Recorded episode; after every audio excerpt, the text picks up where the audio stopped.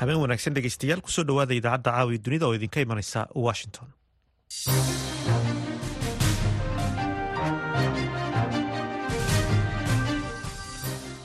Waa isniin bisha februari ee sanadka waxaad naga dhegaysanaysaan mawjadaha gaagaaban mitrban iyo boggeena internetka ee v o a somaly com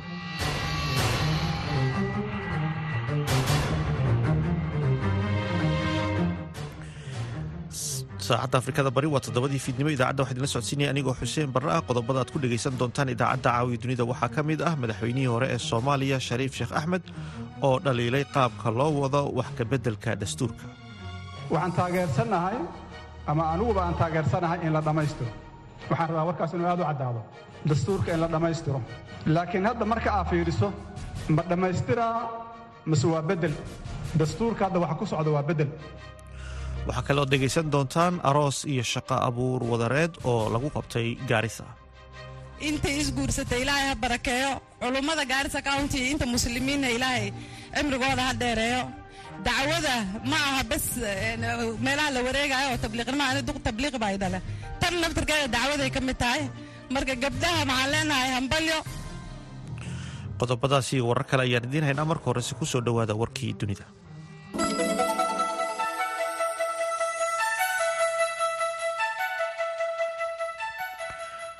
taliska militariga maraykanka ee afrika ee loo yaqaano africom ayaa xaqiijiyey inay duqeyn ka geysteen meel u dhow jilib shan iyo tobankii bishan maalintaasi oo ah tan ay al-shabaab sheegeen in laba dhakhtar oo u dhashay kuuba oo ay ururku haysteen in lagu dilay duqeyn ay geysteen maraykanka. War qoraal ah oo talisku ugu soo diray v o a ayay ku sheegeen in ay xaqiijinayaan in shan iyo tobankii februari ay duqeeyeen ka geysteen meel u dhow jilib duqeyntaasi oo maraykanku sheegeen in ay ka dhan ahayd al-shabaab al-shabaab ayaa qoraal ku sheegtay in duqeyn ay maraykanku geysteen saacadihii hore ee khamiistii lagu dilay. Laba dhakhtar oo lagu kala magacaabo asel herera iyo landi rodriguez oo ay maleeshiyaadka al-shabaab ka soo afduubteen mandera bishii abriil taliska ayaa warka uu soo saaray ku sheegay in ay sii wadayaan qiimeynta natiijada howlgalkan iyagoo sheegay in ay bixin doonaan xog dheeraad ah markii la helo israa'iil ayaa ku hanjabtay inay weerari doonto magaalada rafax ee marinka khaza bilowga bisha ramadaan haddii kooxda xamaas ay sii dayn weydo lahaystayaasha gacantooda ku haray ka hor wakhtigaasi iyadoo cadaadis caalami a lagu saarayo in la ilaaliyo rayidka falastiiniyiinta ee gabaadka ka dhigta koonfurta magaalada xilligii rajada laga qabay wadahadalka xabad joojin ay sii yaraanayso. Haddana maraykanka iyo dowlado kale iyo sidoo kale qaramada midoobay ayaa soo saaray.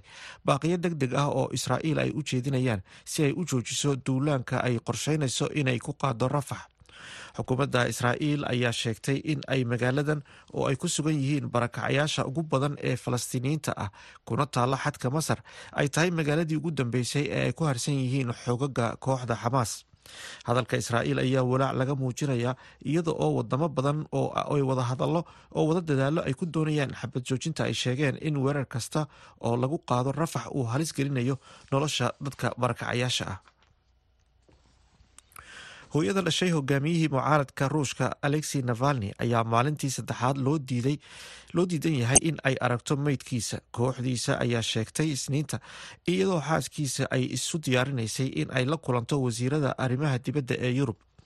Dhimashadii navalni ee xabsiga arkatic ee toddobaadkii hore ayaa ka nixiyey mucaaradka musaafuriska ka maqan dalkaasi oo ay weheliyaan reer galbeedka oo farta ku fiiqayay madaxtooyada ruushku in ay ka dambeysay xulifada navalni ayaa sheegay in ay baarayaashu u sheegeen hooyadiis in ay baaritaanka dhimashadiisa xabsiga la kordhiyey adeega xabsiga ee ruushka ayaa sheegay in navalni oo toddobiyo afartan jir ah uu dhintay jimcihii kadib markii uu ku dhex lugeeyey xabsiga ku yaalla dhulka qaboobaha ah ee fog. Intaasna dhegeystayaal waxaa inoogu idil warkii dunida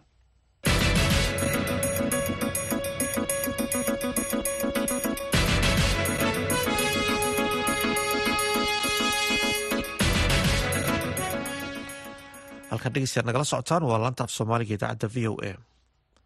Baarlamaanka waxaa maanta ka sii socotay dooda ku saabsan cutubka koowaad ee dastuurka federaalk soomaaliya oo wax kabeddelka ay ku soo sameynayaan guddiga madaxa bannaan ee dib u eegista dastuurka islamarkaana ay ansixiyeen guddiyada arrimaha dastuurka ee labada aqal.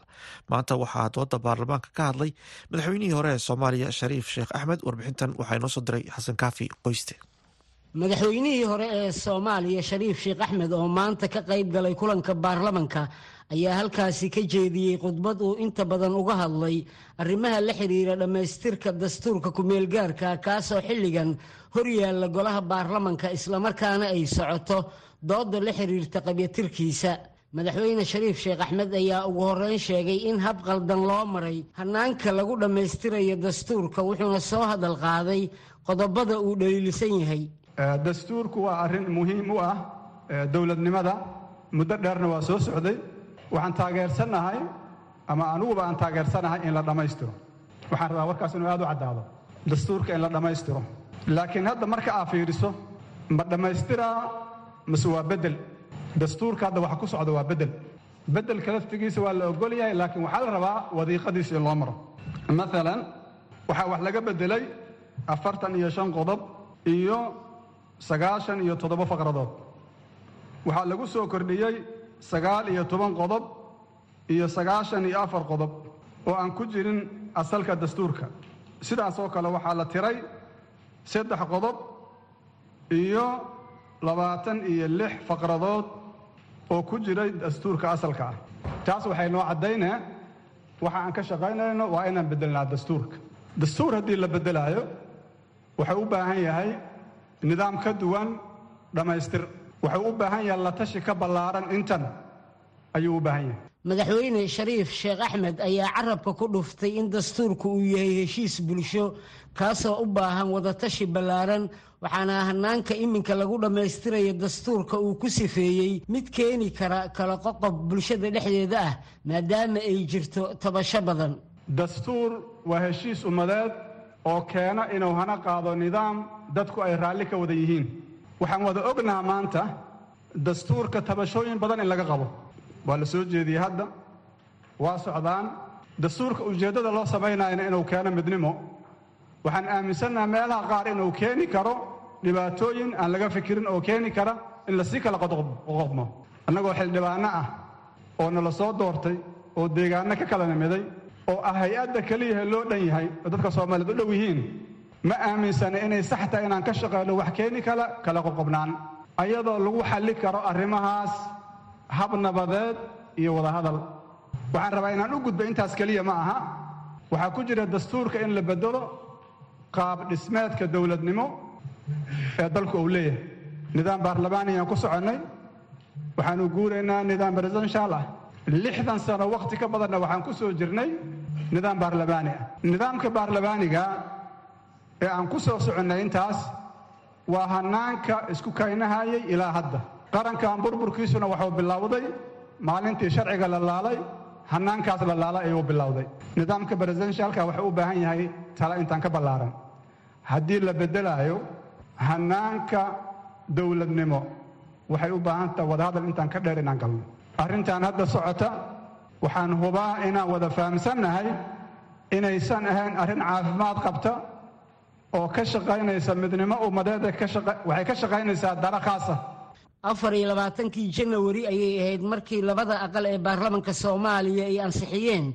Habraaca wax ka beddelka dastuurka waxaana wixii wakhtigaasi ka dambeeyey baarlamanka si toosa uga socday dooda ku aadan dhammaystirka dastuurka iyo wax ka beddelkiisa taasoo ay xildhibaanadu ku kala aragti duwan yihiin. Xasan kaafi qoyste v o a muqdisho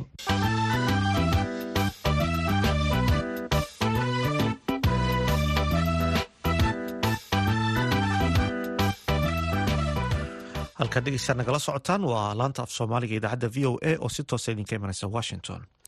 Maamulka degmada gaarisa ayaa aroos wadareed u sameeyey saddex iyo afartan lamaane oo arooskoodu xalay ka dhacay halkaasi. Maamulka ayaa sheegay in kasta kow arooska wadajirka ah ay shaqooyinna u abuurayaan qoysaska cusub. Warbixintan waxaa inoo soo diray wariyaha v o eda maxamed faarax shire. Xafladan oo ahayd midii ugu horreysay nooceeda guud ahaan gobolkani ka dhacdo hal mar oo keliyana afartan iyo saddex wiil iyo gabdho hal mar oo keliya meherkoodu goob fagaara uu ka dhaco ayaa waxay noqonaysaa mid dadka gobolkani haatan ay hadal hayaan. Falxado cabdirashiid faarax oo meherkeedu yahay toddoba iyo toban neef oo arag wiilkaas ma aqbashay meherkaas ma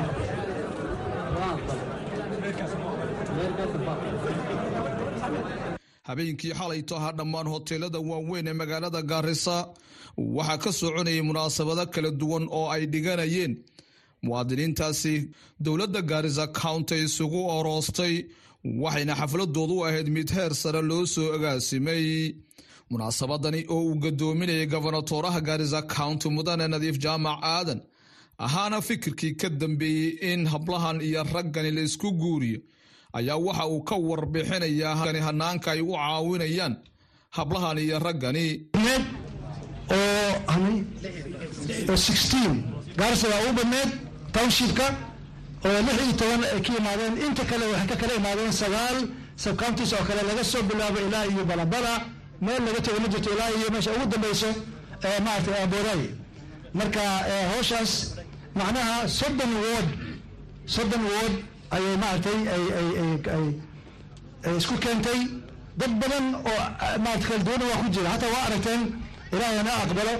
Dad waxaa ku jira hataa maaragtay muxuu ahaa special needs qabaan baa ku jireen.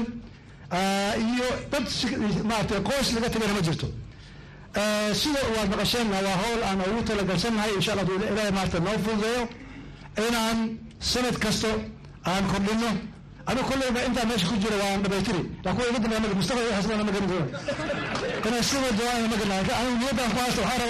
inaan sanad kasto aan sii wado marka kuwa iga dambeeya fiirin doonaan mudane nadiif ayaa waxa uu sheegay inaysan keliya oroos aysan u samayn doonin balse dhalinyaradu ay noqonayaan kuwo goobo ganacsiyo loo samaynayo halka afartan iyo saddexdii hablood dhammaantood ay noqdeen kuwa u shaqayn doona maamulka gaarisa county shaqooyin kala duwanna la siin doono. Beri ayay ka qaadanayaan waxaa soo wadaa hadda meesha kuma qaybin karno iyar dhegaysta oo shaahid ka ahaada raashiinka ay la baxayeen waa laba bilood waxay beri ugu tagayiin inay ka qaataan wasiiradda xaawa iyo cska maxamuud bay ugu tagayeen. Waa raashiinka laba bilood ahaa. Waxaa kaloo beri iyar dhegaysta hadda gobonaaga ma artay cidda wuu isku keenay faruu ka dhegaysta waxaa kaloo aan ugu talagalay ciddan wiil kasta waxaan u furahaynaa dukaan babashop babashop ma garanaysin kiyozi. Wiil kasta kiyozi kamila qalabkiisu la baxaya kiyozi kamila kubashay wuxuu yihi soomaalida kiyozi kuma filan waxaan dhamada waa qabto. Hadduu asaga ka shaqayn karin nin meel ha u shaqeeya laakiin dukaankiisa ha furto. Hadduu joogo boodaay hadduu joogo balambala dukaan kaamil ah oo kiyozi wixii qalab lagu taba lagu guri jiray. Wixii miis ahaa wixii kursi ahaa oo dhan waa la siinhayaa waxaa kaloo meeshaan la socdaa oo shaqo aan ooga dhigaynaa gabdhaha gabdhaha afartan iyo saddexda ah waxaan ka qorahaynaa oo beri warqadahooda ay qaadanayiin warqadaha waaba diyaar. Weaday warqadaha waa diyaar lakiin hadda ma qaybin karo waqtiga aad na cerbiyey warqadahan ugatuzi forty three afar afartan iyo saddex ugatuzi warqadahoodii oo shaqeeya waatan waxaa iskale gabdhaha laga xoogin xildhibaanada countigani gaarisa laga soo doorto marwa aamina udgoon siyaad ayaa waxay sheegtay in mashruucan uu yahay mid ay soo dhoweynayaan dowladda gaarisa countina tillaabada haatan ay qaada ku badbaadinayso tiradaasi dhalinyarada inaan awoodin in ay helaan guur. Haatan ay noqonayso mid ay soo dhoweynayaan maanta waa meel maanta meel barakaysan baan joognaa maadaama aan ahay eedada countiga maamo ma dhihi kari. Qof walba meesha fadhiya eedaa way culummada hataa ku jirto. Magaaladana maanta way udgeysaa waa inaan nadaafadan high class waaye marka maxaan dhehnaha ilaahay ha barakeeyo. Intay isguursatay ilaahay ha barakeeyo. Culummada gaarisa county inta muslimiinna ilaahay cimrigooda ha dheereeyo dacwada ma aha bes meelaha la wareegayo oo tabliiqnima ani duq tabliiq baa idhale tan naftirkeeda dacwaday ka mid tahay marka gabdhaha maxaan leenahay hambalyo inta afartanka iyo saddexda hadda oo la isku meeriye gabanaha maxaan u malayni ilaa nin fiican waaye inuu shaqo abuur u sameeyey uu qoyskaasi qoys degan oo lacag daraaddeed u kala tegi karin ay noqdaan insha allahu tacaala annagana markaan bixinayno maxaa la dhahay waxa qalabka gabdhaha iyo ganacsiga lagu samaysto afartan iyo saddexda gabdhood waan u dadaali gabdhaha kale ilaa hadda soddon baa noqonay culimaauddiin kala duwan ay hogaaminayeen. Culamo caanka ah geeska afrika uu ka mid yahay sheekh mustafa sheekh xuseen ibraahim buraale iyo weliba khaadiga weyn ee gobolkani.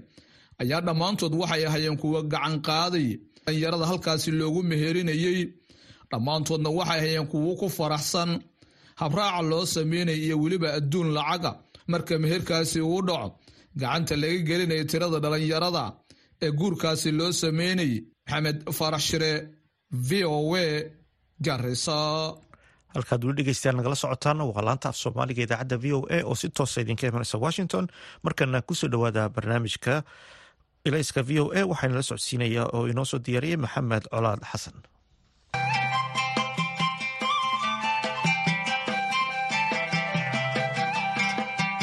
sida lagu xusay warbixin uu sanadkan soo saaray bangiga horumarinta afrika. Tamarta la cusboonaysiiyo ayaa u suuragelin karta in ay koronto helaan. Dad gaaraya lix boqol oo milyan oo qof oo afrika ku nool oo aan hadda haysan adeeg koronto. Waxay abuuri kartaa shaqooyin islamarkaana ay dhiirigelin kartaa maalgashiga warshadaha bangiga adduunka ayaa isna sannadkan ku bixinaya lacag gaaraysa saddex boqoloo milyan oo dollar dalal ku yaalla koonfurta iyo bariga afrika si looga caawiyo mashaariic la xidhiirta tamarta cadceedda iyo dabaysha ku shaqaysa. Daraasad uu dhowaan sameeyey bangiga horumarinta ee afrika ayaa lagu sheegay in soomaaliya ay tahay waddanka ugu horreeya marka la barbar dhigo dalalka afrika ee haysta fursadaha tamarta dabaysha laga dhaliyo doctor maxamed cusmaan waa la taliyaha madaxweynaha soomaaliya ee dhaqaalaha qaranka ahna xubin ka tirsan golaha dhaqaalaha qaranka soomaaliya. Waxa uu ka warramayaa fursadda dhinaca tamarta ee ay soomaaliya haysato. Aad ba umahadsan tahay maxamed adiga iyo waa idin salaamaya dhammaan dhegeystayaasha v o a. Soomaaliya markaan u soo noqday jawaabta waxay ku jirtaa waddamada heerka ugu sarreeya kaga jira caalamka marka ay noqoto tamarta la cusboonaysiin karo sida tan cadceeda iyo tan dabaysha laga dhaliyo. Soomaaliya sida african development bank bangiga africa warbixinadiisi warbixino fara badan iyo daraasaad badan ay sheegeenba soomaaliya waxay heshaa inta badan wax ku dhow ama la egba saddex boqol iyo toban maalmood oo qoraxa oo joogta ah taasoo ka dhigan saddex kun oo saacadood oo qoraxa sidoo kale waxay heshaa speedka speed xawaanaha lagu cabiro dabaysha ilaa afar iyo toban dhibic per second xawaara ku socda dabayba hesha oo ku filan in tamar laga dhaliyo. Actually numberka haaskiibaaba ku filan laakiin soomaaliya way haysataa. Marka soomaaliya waxay haysataa fursad ah inay soo saari karto soddon kun ilaa shan iyo afartan kun oo megawatt oo tamarta isugu jirta dabaysha iyo cadceeda laga dhaliyo. Ayaan daro iminka waxa aan dalkeenu total marka la isku daro wax ilaa boqol iyo lix megawatt ayuu ayuu soo saaraa. Marka potentialkeena iyo fursadaha haysan aada uga badan leeyihiin waddamada ugu sarsareeya caalamka ayaa ku jirta wa waa gartay. Marka muxuu yahay xiriirka ka dhexeeya tamarta iyo gaar ahaan midda la cusboonaysiin karo iyo horumarka dhaqaalaha ee uu dal gaarayo? Waxaa ka dhexeeya xiriir aada xasaasi u ah oo aan oran karin xiriir toos ah. Waayo dhaqaalo si loo dhiso si loo dhiso ama si loo dhiso waxaa loo baahan yahay kow tamar la isku haleyn karo.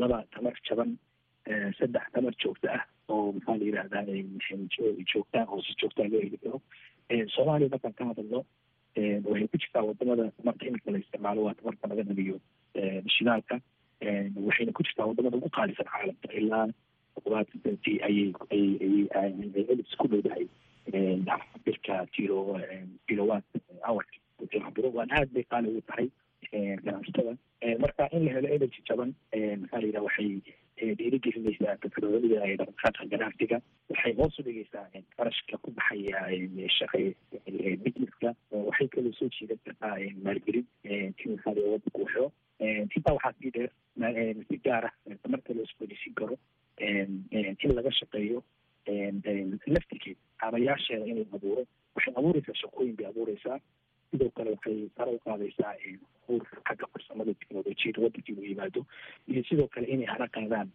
warshado oo local oo maxalli ah oo dadku ay samaystaan marka tabarta la cusboonaysiinta si gaara waxay siinaysaa waxay kordhinaysaa in wadanku uu adkaysi u yeesho isbeddelka cimilada intaad og tahay waxaad ka tirsan tahay dhaqaalyahanada soomaaliya isha ku hayay mar haddii deymihiina laga cafiyey wadanku wuxuu diyaar u yahay maalgashi. Marka ma ma jiraa qorshe caalami ah ama qorshe qaran oo ku wajahan sidii tamarta ama korontada wadanka wax looga bedeli lahaa si warshado loo helo heer caalami dowladda soomaaliya waxay xoogla oo la shaqeynaysaa bangiga adduunka iyo african iyo bangiga horumarinta africa iyo hay'adda u s a i d iyo hay'ada kalo fara badan waxaa jira nagala shaqeynaya tamarta waxaa jira mashaariic waaweyn oo wasaaradda tamarta iyo iyo maxaa la yihahda ay soo wadaan hay'adaha caalamiga marka lacago fara badan oo ilaa hal milyan ayaa yani qorshe uu yahay la geliya marka xagga gudaha markaan u soo noqono dowladda soomaaliya sannadkii hore madaxweyne bashir maxamuud wuxuu saxiixay march labada kun iyo labada kun iyo saddex iyo labaatankii sharciga tabarta soomaaliya ayuu saxiixay sharcigaas oo ahaa maxaa la yihahda tallaabo weyn oo hore loo qaaday sharcigaa waxa weeya waa sharci maamuli doona maxaa la yihahda tamarta dalka sidoo kalena si gaara wuxuu uxuseeyaa in la dhiirigeliyo tamarta la cusbooneysiiyo oo islama ahaantaana yani loo sameeyo maxaa licensing iyo sharci yani in la nidaamiyo sidoo kale heerka wuxuu uu yani aada u fududeynayaa inuu wadanku maalgelin helo maxaa inuu dhiirigeliyo maxaa la yihahda ganacsiga gaarka loo leeyahy inay soo galaan marka iyo sidoo kale in lagu fidiyo lagu baahiyo tamarta miyiga inuu gaaro marka dowladda qorsho ayay qorsho xoogla ayay leedahay ayay ka leedahay oo sharciga waxaa daba socda oo oo la socda maxaa la istaraatiijiyadii maxaa la yidhahdaa lagu fulin oo looga looga hor looga looga soomaaliya tan iyo burburkii dowladdii dhexe kun sagaal boqol kow iyo sagaashankii adeegyo koronto oo aan awood badnayn oo soomaaliya ka jiray waxaa gacanta ku hayay shirkado gaar loo leeyahay. Shirkadaha ayaa badankooda ku tiirsan motooro ku shaqeeya shidaal. Waxaase waayadan dambe sii kordhayey dareenka la xiriira baahida loo qabo maalgashiga tamarta ku shaqaysa cadceedda iyo dabaysha ee afka qalaad lagu yidhaahdo renewable energy qaar ka mida shirkadaha waaweyn ee korontada siiya magaalooyinka boosaaso iyo qardho ayaa bartamihii sannadkii tegey ee waxa ay ku midoobeen hal magac si ay u maalgashadaan tamarta cadceedda iyo dabaysha ku shaqaysa. Cabdulaahi cilmi muuse waa madaxa shaqada shirikadda korontada ee lagu magacaabo puntland electric power company oo loo soo gaabiyo pepco. Waxaa ugu horreyn ka warramayaa sababta shirikadahan ay u midoobeen. In la mideeyo maskaxdooda aqoontooda khibradooda iyo maaliyadooda lagana soo saaro hal kambani oo power leh. Lagana faa'iidaysto cadceedda ilaahay ina siiyey iyo dabaysha xawaaraha leh. Shirkadahan marka intaa haddii ay ma garanaysaa ay hadafkooda ahaa marka in la maalgeliyo shirkadahan oo ay ganacsatada ay maalgashato ka bacdina ay tamarta la cusboonaysiin karo ay ay ku maalgeliyaan haddii maalgelintaasi la gaaro waxaa imanaysaa in la jebiyo korontada qiimaheeda lana gaarsiiyo heer ay dadku markaas ay awoodi karaan inay ka bixin karaan korontada ama wax walba ay samaysan karaan. Waxaa markaa saddexaad loo sii gudbi karaa in la helo koronto awood leh oo dhammaan qaybaha kala duwan ee macaamiishu ay ka faa'iidaysan karaan lagana samaysan karo warshado waaweyn lagu dhiiran karo in waddanka laga sameeyo iyo ganacsiyo kale oo ma garanaysaa iminka koronto la'aan la socon waayey. Magaaladana ay gaadho heer aan laga xagaabixin ee ay noqoto la gaaro heer qol iyo qaboojiye la helo. Heer walba uu qol kasta qaboojiye mukeef gashado cabdulaahi cilmi ayaan weydiiyey inta ay la eg tahay tamarta cadceedda ku shaqaysa ee ay hadda ka faa'iidaystaan. Cadceedda hadda wax badan kama isticmaalno waxaanu ka isticmaalnaa yani korontada hadda aanu bixino boqolkiiba toban baanu ka isticmaalnaa cadceedda waana qadar aada u yar marka loo fiiriyo capacitiga magaalada. Magaaladan in hadda boosaaso aynu joogno magaalo aada u kulul weye cimiladeedu aad ogtahay. seventy percent boqolkiiba toddobaatan baan rabnaa inaan gaarsiino haddii lahay idmo inshaalla saasaan anagu qorshahayagu yahay. Wixii ka dambeeyana taako taako ilaa aanu ka dhigno oo gaarno in cadceedda iyo dabaysheenu ay la mid noqdaan shidaalka khaliiska oo kale heerka eedda ay joogaan cabdulaahi cilmi ayaa ka warramaya mashaariic ay hadda gacanta ku hayaan oo la xiriira ka faa'iidaysiga tamarta la cusboonaysiin karo. Mashaariicda waxaa waxaa shirkadaha maalgashanaya iska leh shirkadan iyaga maalgashigooda leh. Waxaa kaloo jira solar isagana dowladdu ay keentay baa jira oo mashaariicdii madaxweynuhu saciid cabdullaahi deni qorshayaashiisii hore ka mid ahayd magaalada boosaaso inay hesho koronto ku filan solar la keenay baa jira. Isagana hadda rakiban wejigii koowaad uu rakiban yahay wejigii labaad hadda aanu wadno gacanta ku hayno. Waana kan ugu soo horreeya isaga oo laga bilaabayo ma garanaysaa maalgashigan cadceedda. Dowladdu waxbay ku leedahay shirkaduhuna waxa weeyaan iyagana shirkado fara badanna maalgashiga ku leeyihiin oo beeraley ku leeyihiin ujeedka shirkada loo asaasay waxa weeye in koronto jaban oo awoodla la helo waana la helayaa goordhow insha allah waan u soconnaa qaar ka mida magaalooyinka somalilan iyo dhulka miyiga ah waxaa soo kordhaya dadka soo fahmaya ka faa'iidaysiga tamarta cadceedda ku shaqaysa.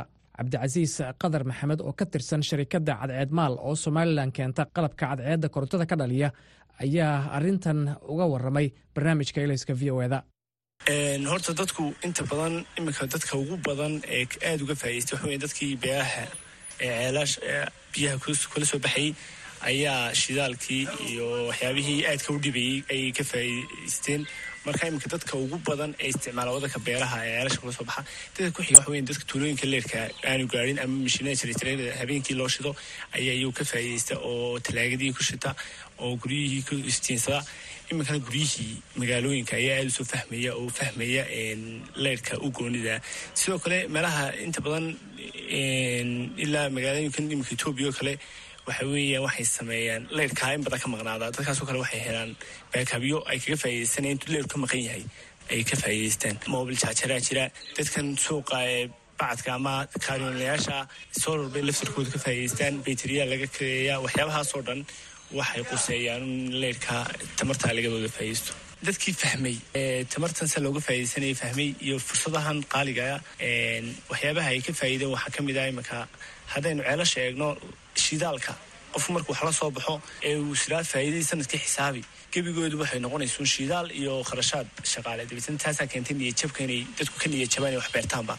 Laakiin iminka markay soo hortiyo tamartii cadceedu soo faa'iiday qofkii waxa u soo baxaya faa'iidadii dhammeeda shidaalka gooni u soo baxaya intuu marka hore maalgelin fiican sameeyey oo ceelkii soo hortiisa isagu bixiyey. Ayuu markii dambe helayaa faa'iido joogtaa oo tobanaan sano ka faa'iidaya sanad walba taasaa keentay dhiirigelin fiican inay dadku ka sii helaan inay wax sii beertaan beertana ay si fiican sii shaqaystaan waxaa jira aqoon-yahan qurbajooga iyo ganacsato horey isugu dayey inay waddankii ka hirgeliyaan adeega tamarta cadceedda ka shaqaysa waxaa ka mid ah cabdiqani hiirad milkiilaha shirikadda akagia renewables oo ah shirkad ka diiwaan gashan dalkan maraykanka oo ka shaqaysa arrimaha tamarta ka howlgasha jubbaland. Haatanna qorsheynaysa inay xafiisyo ka furato muqdisho puntland iyo laascaano waxaan weydiiyey caqabadaha ay la kulmi karaan shirikadaha doonaya inay maalgashadaan tamarta dabiiciga ah ee soomaaliya. Colaad waan salaamay bahda saxaafadda ee v o a iyo adigaba. Waa idinkaga mahad celinayaa runtii habeen iyo maalin sida aad ugu heegan tihiin inaad dhegeystayaashiina ugu soo gudbisaan warka runtii iyo falanqeynta ku saabsan soomaaliya. Taa waa idinkaga mahad celinayaa haddaan ku soo dhowaado su'aashaadii caqabadaha ugu waaweyn waxaa weeye kambaniyaashan ama shirkadahan marka la rabo in ay bilaabaan shaqooyin. Runtii dee waxay u baahan yihiin maalgashi. Maalgashigaasna de wuxuu ka iman karaa ama qofka milkiilaha lah inuu marka hore isagu haysto kharash uu ku meel marin karo kambaniga ama uu helo dad maalgashada. Taasu caqabada ayay ahayd. Caqabada kale waxay ahayd wadankii hadda runtii korontadu waa qaali. Anigu waxaan markaan daraasad sameynay qaali bay ahayd oo qofkii ama reerkii guluub yar haysta oo wax badan bashidan adigu lacag konton dollara laga qaadaa dee meelahan restaurantka iyo makhaayadaha iyo hoteeladana markaad fiiriso electric biilka ama biilka ay korontada ahaan u isticmaalaan waa wax aada iyo aada u weyn maalgashi weyn weyn u baahan waxaa loo yaqaano capital. sababto waa inaad iibsataa solar panelski waa inaad iibsataa dhulkii aad solar panelska dhiganayso waa inaad iibsataa waa inaad haddii aad rakibayso maraawaxadaha waaweyn ama wind turbines loo yaqaano waa inaad dhulkii la dhigayay iibsataa. Iyaga naftigoodu waa qaali weeye. Taas ka sokow waxaa kaloo jira de mid amniba ayaa jirta. Cabdiqani ayaa ka waramaya fursadda tamarta dabiiciga ah ee soomaaliya. Haddaad fiiriso annagu macluumaadkii aanu ka ururinay way waxay tahay adduunka waxay ka tahay sida anigu aan fiiriyey number one ayay tahay. Haddaanay deeba aanbay ahaynba number two. Aada iyo aad ayaana looga faa'iidaysan karaa tamarta dabiiciga ah. Waxaa kale oo jirta colaadow qaali weeye soomaaliya korontadeedu. Marka tamarta dabiiciga ah haddii la helo runtii oo de si fiican looga faa'iidaysto oo maalgashi ay hesho korontadaas qaaliga ah waa looga guuri karaa. Midda kale korontadan laga dhaliyo mashiinadan naaftada iyo shidaalka ku shaqaynaya. Runtii dee waa shidaalkaasu wadanka waa la soo dhoofiyaa dibadda laga keenaa waa qaali weeye. Marka taas ayaa qaali ka dhigtay in korontadiina qaali noqoto. Laakiin waa laga maarmayaa haddii tabarta dabiiciga ah ee wadanka gudihiisa taalla aynu ka helno korontadeena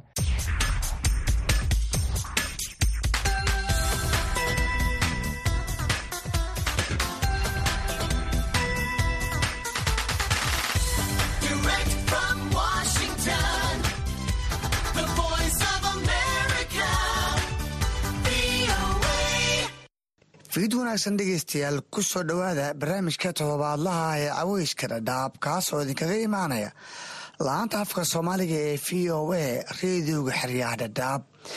Barnaamijka todobaad walba waxaad ku dhagaysataan labada mawduuc ay ugu hadalheynta badan yihiin bulshooyinka ku nool xeryaha qaxootiga iyadoo dhegeystayaasheena dhadhaab iyo deegaanada ku xiran ay si toosa nooga dhegeysan karaan idaacadda f m-ka v o eda dhadhaab ee ka soo gasha mawjada f m-ka hal eber lix dhibic todoba megahartis barnaamijkeena caawa qodobada aad ku maqli doontaanna waxaa ka mid noqon doonaa. Bulshada ku nool xeryaha dhadhaab ayaa ganacsatada ka codsaday in hoos loo dhiga qiimaha maciishada suuqada xeryaha maadaama uu hoos u dhacay sarifka lacagaha dolarka sidoo kale barnaamijka waxaa qeyb ka ah qaar kamida ardayda wax ku barta dugsiyada sare ee xeryaha ayaa aragtiyo kala duwan ka dhiibtay doorka ay ka qaadan karaan joojinta tahriibka oo ku soo badanaya gudaha xeryaha dhadhaab ee gobolka waqooyi bari. Kama marna xubintii shakhsiga oo toddobaadkan ay marti noogu tahay deeqa cabdi cabdulle oo ka mid a guddiga dadka naafada ah ee xerada xagardheera oo ka warbixin doonta tababar loo qabtay qaar ka mida bulshada naafada ah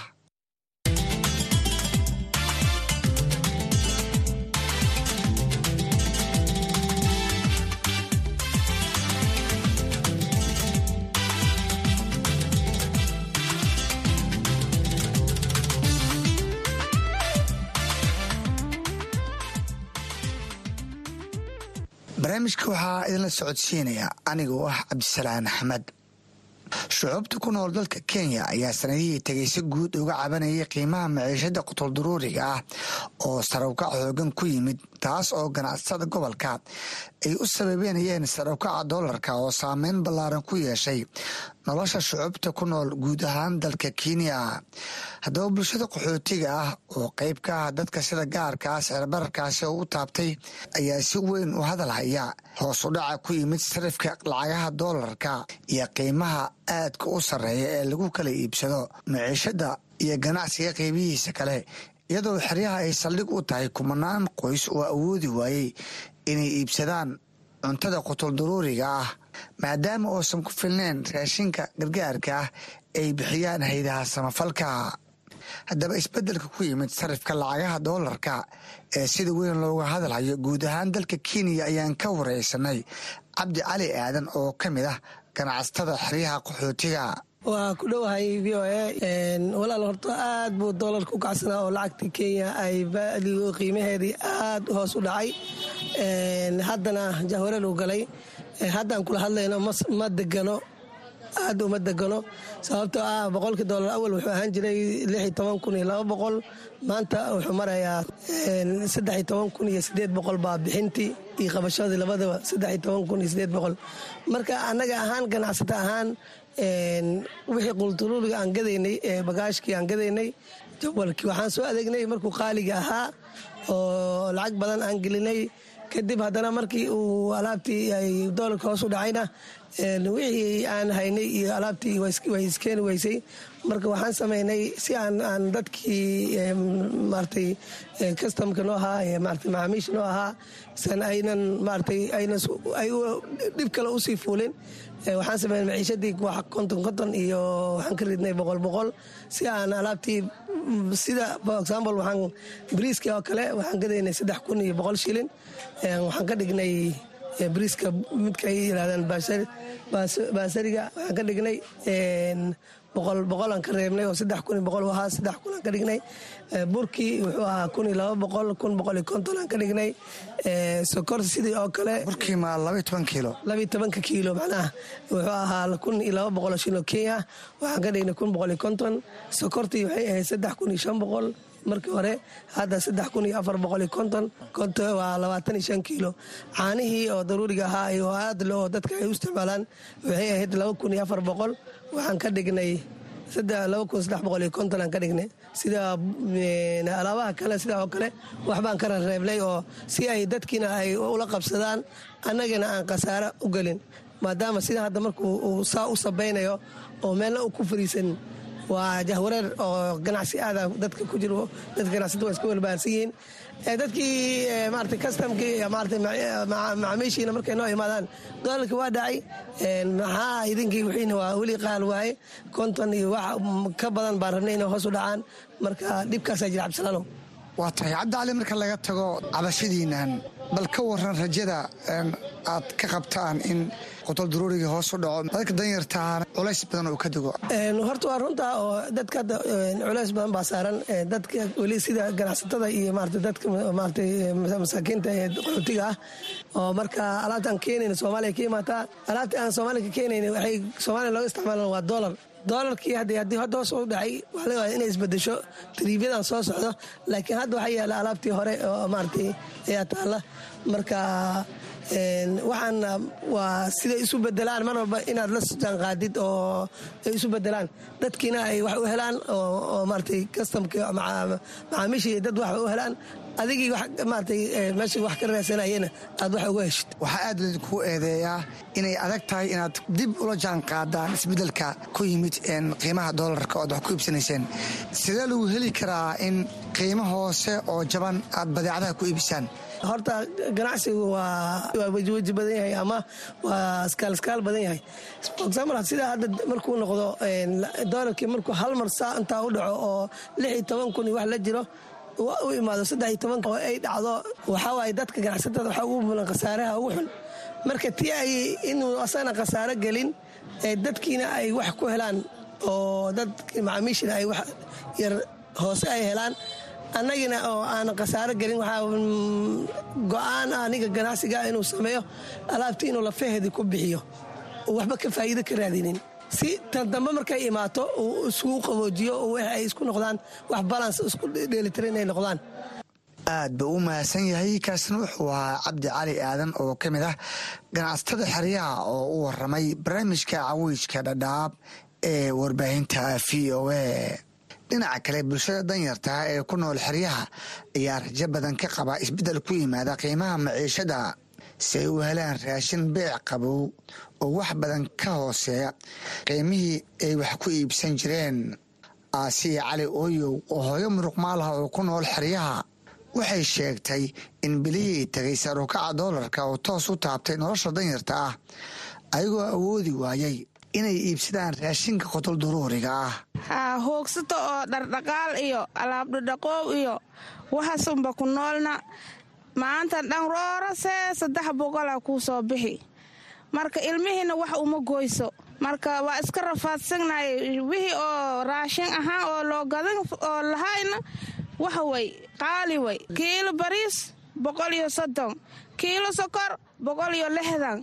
Maxaa noo goyni way? Qoryo gad wax walba gad. Ilma aduuda lata ninac iisoo gad wax kasta waa la rabaa. Male way marka. Waa hilib boqol iyo konton way oo hilib geel ah waa tahay maadaama doolarka jabay in cuntadii iyo raqiis noqoto raje inta leeg baa ka qabtaan. Waxaan rajaynaynaa ina cuntada hoos noqoto doolarkii waa jabay ina cuntadina la jabiyo oo masaakiintana ay noolaato. Aa la rabaa. Maalan nahay cuntadina ma noogu filino shaqadiina ma noogu filino waxaan rabnaa ina raashinka noolo hoosna noo dhigo.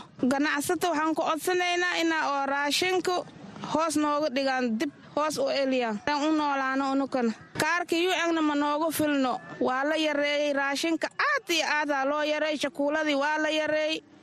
Marka waa laiska rafaadsan yahay ganacsatadana dadka u nahaan masaakiinta ha fiiriyaan taajiriinta ha fiirinin. Cuntadii waxay dhahaayeen qaali baan ku soo gadanay.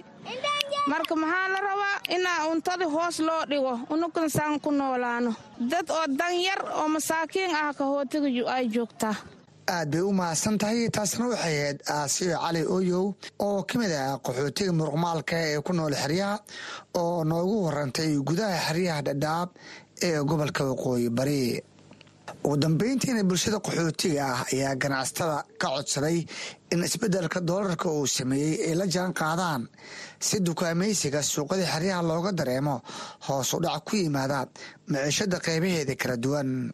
Waa kan cabdifataax sheekh nuur oo ka mida qaxootiga oo u waramay barnaamijka caweyska dhadhaab.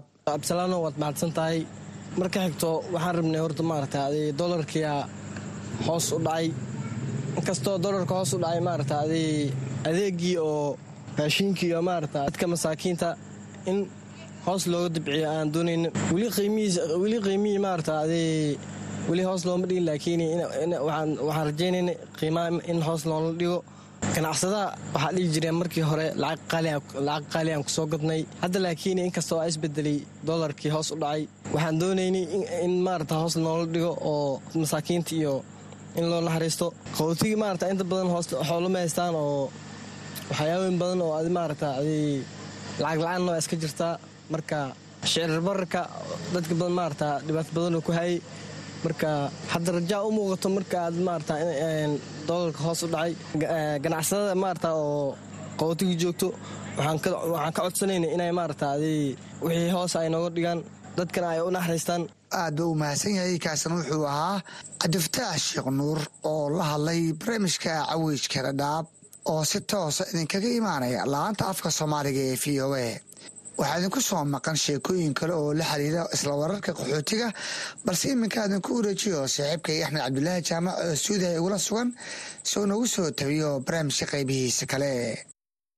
Mahadsaned cabdisalaan axmed dhegaystayaal waxaad nagala socotaan barnaamijka caweyska dhadhaab oo aad ka dhegaysanaysaan laanta afka soomaaliga ee idaacadda v o a. Waxaana barnaamijku si toosa idinkaga imanayaa xeryaha dhadhaab ee gobolka waqooyi bari ee kenya. Ku soo dhowaada warbixinno kale oo la xiriira nolosha dadka ku nool xeryaha qaxootiga oo qayb ka ah barnaamijka caweyska dhadhaab ee toddobaadkan. Waxaa ka mid a qodobada aad ku maqli doontaan xubintii shaqsiga oo toddobaadkan ay marti noogu tahay deeqa cabdi cabdulle oo ka tirsan guddi ay leeyihiin dadka baahiyaha gaarka a qaba ee xerada xagardheer oo aan ka waraystay tababar ku saabsan xuquuqda aadanaha oo dhowaan ay ka qayb gashay duruufaha dadka lixaad kale iyo waayaheeda nololeed ee xeryaha qaxootiga. Waxaad kale oo maqli doontaan dhallinyarada xeryaha qaxootiga oo ka aragti dhiibtay falal tahriiba oo waayadii dambe aada ugu soo batay xeryaha dhadhaab. Haddii aan ku bilaabo dhegaystayaal xubinta shakhsiga deeqa cabdi cabdulle waxay xubin ka tahay guddi ay leeyihiin dadka baahiyaha gaarkaa qaba ee xerada xagardheer dhowaan ayay iyada oo matalaysa guddiga ay ka tirsan tahay tababar ku saabsan xuquuqda aadanaha kaga qayb gashay xerada xagardheer deeqa ayaan ka waraystay. Waxa ay ka fahantay tababarkanu ay bixinayeen xubno ka socday guddiga qaran ee xuquuqda aadanaha ee dalkan kenya. Waxaa kale oo waraysiga ku jira oo aan deeqo wax ka weydiiyey duruufaha ku xeeran dadka baahiyaha gaarka a qaba iyo waayaheedana nololeed ee xeryaha qaxootiga tababarkan wuxuu ku saabsanaa sida xuquuqda biniaadanka oo loo ilaaliya oo wixii macnaha dhibaato ahoo bulshada ka jira loo loo sheegi lahaa ama loo ilaalin lahaa oo kala qof kasta oo bulshada ka mid ah si uu xaquuqdiis u heli lahaa yaa macnaha yaa tababarkaas uu ahaa. Idinku qaxooti baa tihiin. Qaxootiguna inta badan waxay dhahaan qofka qaxootiga ahay ma laha xaquuq ma dacwadaan waxba ma raadsadaan inta badana waxaa laga yaabaa inay la kulmaan tacadiyo ka dhana. Marka maxaad ku ogaateen oo awaleydaan ogeyn. Waxaan ku ogaanay in macnaha qof kastaba uu xaquuq leeyahay oo uu macnaha xaquuqdiis u doodi kara oo meel uu aadana oo xaquuqdiis uu oga doodi karana ay leedahay yaan ka ogaanay meeshaan tababarka. Xaquuq aanad hore u ogeyn oo aas lahayd markii hore xaquuqdaa ma lihid laakiin hadda ogaatay inaad xaq u leedahay oo ay sheegi kartaa ma jirtaa? Waxaa waaye qof kastaba horta markuu meel joogo waa inuu xaquuq leeyahay waa inuu qof jira oo macnaha asaga uu isbahdilin oo oo qof jira oo xaquuqdiisa dhacsan kara oo hadli kara inuu yahay inuu is ogaada. Yaa macnaha yaan ogaaday oon awel aan aqaanin. Waxyaabaha aad xaqa u leedahay inaad hesho ka qaxooti ahaan ee maxaad iga sheegi kartaa? Waxyaabaha aan xaqa u leeyahay markaan qaxooti ahay waxaa ka mid ah sida caafimaadka waxbarashada raashinka wax alla biyaha. Intaasoo dhan inaan helo aan yaan macnaha aan xaquuq u leeyahay aan ogaaday. Dadka qaxootiga waxaa hays inay dhahaan qof qaxootiyihii xaquuq ma leh. Fikirka adigu hore ma u qabtay haddaa hore u qabtay si hadda miska kaa bedelay haa marka hore waxaan u qabay inuu qof qaxooti xaradaa isaga jiraaya raashinkaas iyo wixii la siiyo uun iska qaadanayo laakiin xaquuqdiisa waa sii dheereen. Laakiin hadda waan ogaaday qof kasta ama qaxooti ah waa mahaanin inaa isku mid tihiinoo xaquuq ah wada leeyihiinoo dadka uu siman yahaa ogaaday. Waxaa aada u yaraaday kaalmadii bini'aadanimo ee laga qaadan jiray hay'adaha gaar ahaan hadday noqoto waxaan soo sheegnay oo muhiimka caafimaadka biyaha waxbarashada iyo raashinkii xataa oo hadda boqolkiiba konton la dhimay. Ma laga hadlay arrimaha intaa ku jirteen tababarka? Tababarka hadda sidii raashinka caafimaadka waxaa kuma saabsaneen wuxuu ku saabsanaa xaquuqda biniaadanka un macnaha human right ay ahayd hay'adda. Marka xaquuqda un sidii qof kasta uu xaquuqdiisa uu u heli lahaa meel kastoo uu joogaba ama ama raashin ha ahaato ama biyo ha ahaato amaba wax kastoo ay ahaataba xaquuqdiisa suu ku heli lahaa inuu ogyahay ogaada. Unbaa markaas aanalobaray tababarka. Waxyaabahan aan soo sheegay hay'aduhu bixiyaan. Haddii qofka qaxootiga waayo ama tusaalehaan adigu aa weydo ma u dacwoon kartaa oo ma dhihi kartaa waxaasaan xaq u lahaa? Mana laysin. Xaggeese loo dacwoonaya? Waa loo dacwoon karaa waa meel kasta sida hadda tan oo gargaaroo kalea laga hadli karaa hay'adahaasaan oo kale markay imaadaan oo macnaha hay'ad ay tababar bixinaysaa lala hadli karaa u n oo kale markay dadka ay mitan u bixinaysaa laga hadli karaa. Meelo badanaa laga hadli karaa sida hadda i r c oo kale meel ku taalo oo la yidhaaha g b v a laga hadli karaa. Meelo badan oo laga hadli karaa jirta hooyaa tahay qaxooti ah naafo ah xeradan joogta ee u shaqaysa dad badan oo naafo ah oo iyadoo kale ah ee baahida ugu badan ee maanta la dhihi karo qaxootiga dhadhaab way haysataa gaar ahaan adoo adi iska hadlaya haddii maanta lagu weydiiyo waxa ugu culus ee maanta ku haysta ee baahi ah. Haddii lagu dhaho ka hadal maxay tahay? Aniga waxaan ka hadli lahaa maadaama oo meeshaan qaxooti layska jooga meel kasta aan loo meel loo dhaqaaqi karin dal iyo dibadba dad aan waxba looga soo dirayn uu iska tuuran yahay. Raashinkii lagu tiirsanaa uu u yaraada jakuuladii la yareey raashinkii la yareey caqabad badanaa jirta rafaad badanaa iska jira. Marka waxaan dhihi lahaa aniga wax kasta oo macnaha nolosha aad iyo aaday cariiri u tahay waa layska rafaadsan yahay. Raashinka dad kuma filna jakuulada kuma filna waxbarashadii iyo wixii buugta iyo qalimihii wixii ilmihii loogaday kuma filna. Marka walaahi rafaad badanaa ka jira meeshaan waxaa waaya waa layskaga rafaadsan yahay. Anigaba markaan iska soo qaada hataa dadka naafada aad baa looga dayraya wax la yidhaahdo dad kale way ka nolol hooseeyaan maadaama dee aan iyagu shaqaysan karin ordi karin sida dad kale. Bal wax iiga sheeg baayaha gaarka adi aad qabto. Baayaha gaarka oon ani qabo waxaa waaye qof oo lug naafo kaan ahay meel badan oo ma gaara. Siiba hadda aaday iigu xanuunaysaa socodkayga iska gaaban. Marka haddee meel qof lixaad leh uu amaba ka shaqaysan lahaa ama uu aadi lahaa ama uu ka xoogsan lahaa oo dhan ma gaara. Sidaa awgeed si inta aniga ila midkoo ama iga sii darno baraliska oo jiifta ama anoo kale ehba dhibaatadan ani dareemayo oo macnaha rafaadka iyo dayacsanaanta iyo sidii wax u heli lahaa la'aanta aan aniga qaba unbay qabaan. Wax ana iga sii darno balisna waa jiraan. Marka dhibaato aad iyo aad u weynaa iska jirtoon qabnaa. Goormaad xeryaha qaxootiga timi halkee baad ka soo qaxday? Sababta u soo qaxdayse maxay ahayd? Xeryaha qaxootiga aniga waxaa imaaday labadii kun toban iyo labadii bishii lixaad. Dhibaatada weyn ani aan ka soo qaxayn waxay ahayd markaas amni darra waxaan ka soo qaxay gedaan ka soo qaxay. Meel oo la yidhaaha baar dheer faanweyn dhibkii aad ka soo carartay maxaa iska kaa bedelay dhinaca noloshaada? Maxaad ka raysatay maxaase u dirsatay waxaan ka reestay amni daradii aan ka reestay si fiicanaa u saaxday ewel amni dara iyo welwel iyo waxaaba ahay cabsi cabsidii aan ka reexistay alxamdulilah haddee raashinna waa nala siiyey oo sidii la rabo ay ahaadine waa nala soo dhoweey raashinaa nala siiyey cuntadii wixii marka biyihii aan helnay caafimaadkii aan helnay waxbarashadii ilmihii u helay alxamdulilah waan meeshaan waan ku reystay magangeliyaan ka helay iyo kulli ilmihii aan watoo dhan waxbarasho ii galeen. Laba way dhammeeyeen hadda saddex foom foo waaye kuwa laba foom wan ay noqdeen kuwa hadda foom wuxuu yahay galaastiri maasha allah alxamdulilah waa meeshaan waan ku liibaanay rafaad iyo dhib dhibka haddee dhib dhib unbaa wax lagu bartaa soo maahan.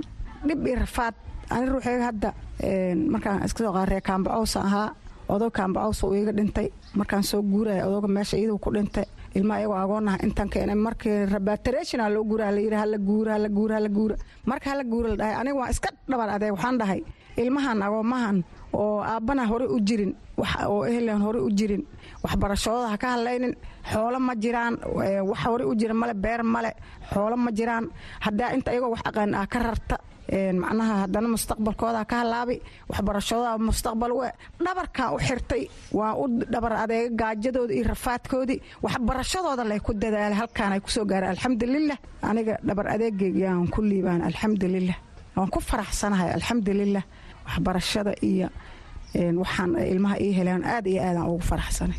Taasi waxay ahayd deeqa cabdi cabdulle hooyo ku nool xeryaha dhadhaab oo marti iigu ahayd xubinta shakhsiga oo qayb ka ah barnaamijka caweyska dhadhaab ee toddobaadkan. Geesta kale dhegaystayaal dhallinyarada xeryaha qaxootiga ayaa waayadii dambe aada ugu lug yeeshay filal tahriiba oo halis ku ah noloshooda. Qaarkood ayaase ka aragti dhiibtay dhibaatada uu leeyahay tahriibku iyo saamaynta uu ku yeeshay dhallinyarada xeryaha.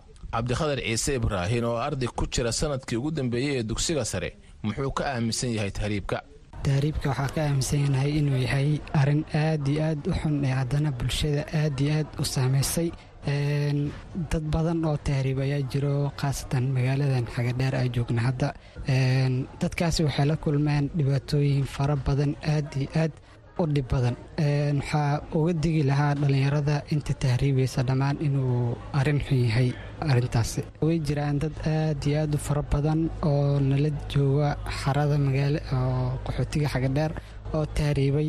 Waxay la kulmeen dhibaatooyin fara badan. Weli waxaa lagu lagu cinqaabay inay keenaan lacag. Haddana sidaasay tahay waalidkii lacag ma hayo meeluu ka keeno ma lahan mar labaad waxaa u celinaya dhallinyarta tahriibayso inay tahriibka tahay arrin aad iyo aad u xun ayna ka digtoonaadaan. Cabdikhadar waxa uu sheegay in dhallinyarada xeryaha ee hadda aadaya tahriibka ay isugu jiraan kuwo iskuullada dhigta iyo kuwa aan iyagu waxba baranin. Dhallinyarada oo hadda tahriibayo badankood waxoo badan yihiin kuwa aanan wax baranin iyo kuwa wax bartay isku dhex jiraan. Dhammaantood marka waxaa leeyahay tahriibka waa aad iyo aad u xun yahay waa naftaada riska ay geli kartaa ha laga digtoonaado. Ardaygana waxa uu sheegay inaanu weligii ku fikirin inuu tahriibo sababtuna ay tahay inuu aad ula socdo dhibaatada tahriibka iyo khatarta ka dhalan karta. Aniga run ahaantii maya ilaan waxaa ogyahay aad iyo aad inay xun tahay waddada la maraayo waxa loo maraayo broseska aad inuu u adag yahay nafkana inay riski la geliyo ma fiicna. Marka ha laga digtoonaado hana laiska fiiriyo meesha lagu dhaqaaqay. Safarada tahriibka ah ee dhallinyarada xeryaha ayaa isku si u saameeyey wiilasha iyo gabdhaha. Kawsar aadan cabdi oo ardayad dhigata dugsiga sare ayaa ka hadlaysa waxay ka aaminsan tahay tahriibka iyo dhibaatada ay gaarka la yihiin gabdhuhu tahriibka waxaan ka aaminsanahay inuu fal yahay aada u xun oo haddana bulshada uu aada ugu soo kordhay. Dhallinyarada jirto sanadka aaday u tahriibayaan marka inuu fal xun yahay aan aaminsanahay.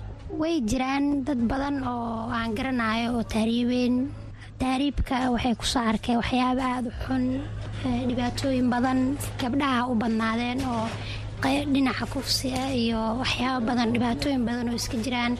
Haddana waalidkii oo waxba ay haysanin oo haddana la soo waca ayagoo qaxoontiga joogaan oo wax dhaqaale aysan haysanin. Khawsar marna niyaddeeda ma gelin inay aaddo safar tahriiba wax warihina kuma seegana khatarta lagala kulmo tahriibka.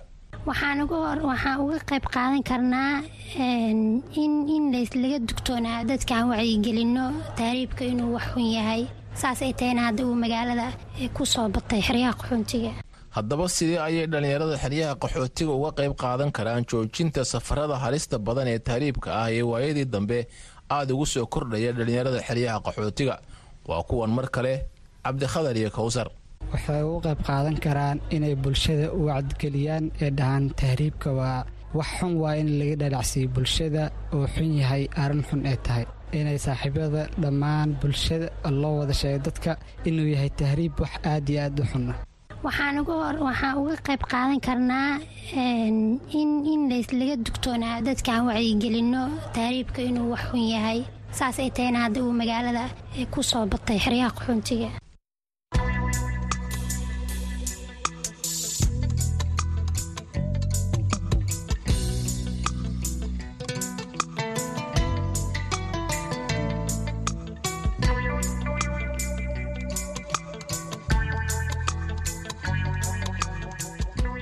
dhegaystayaal inta ayuu inagu egyahay barnaamijkii caweyska dhadhaab ee toddobaadkan oo qaybtiisan dambe aan idinla socodsiinayay anigoo axmed cabdulaahi jaamaca. Intaasi aanan ka bixin aan kale mikrofoonka ku soo dhoweeyo saaxiibkay cabdisalaan axmed cabdisalaan oo barnaamijka ila daadihinayay.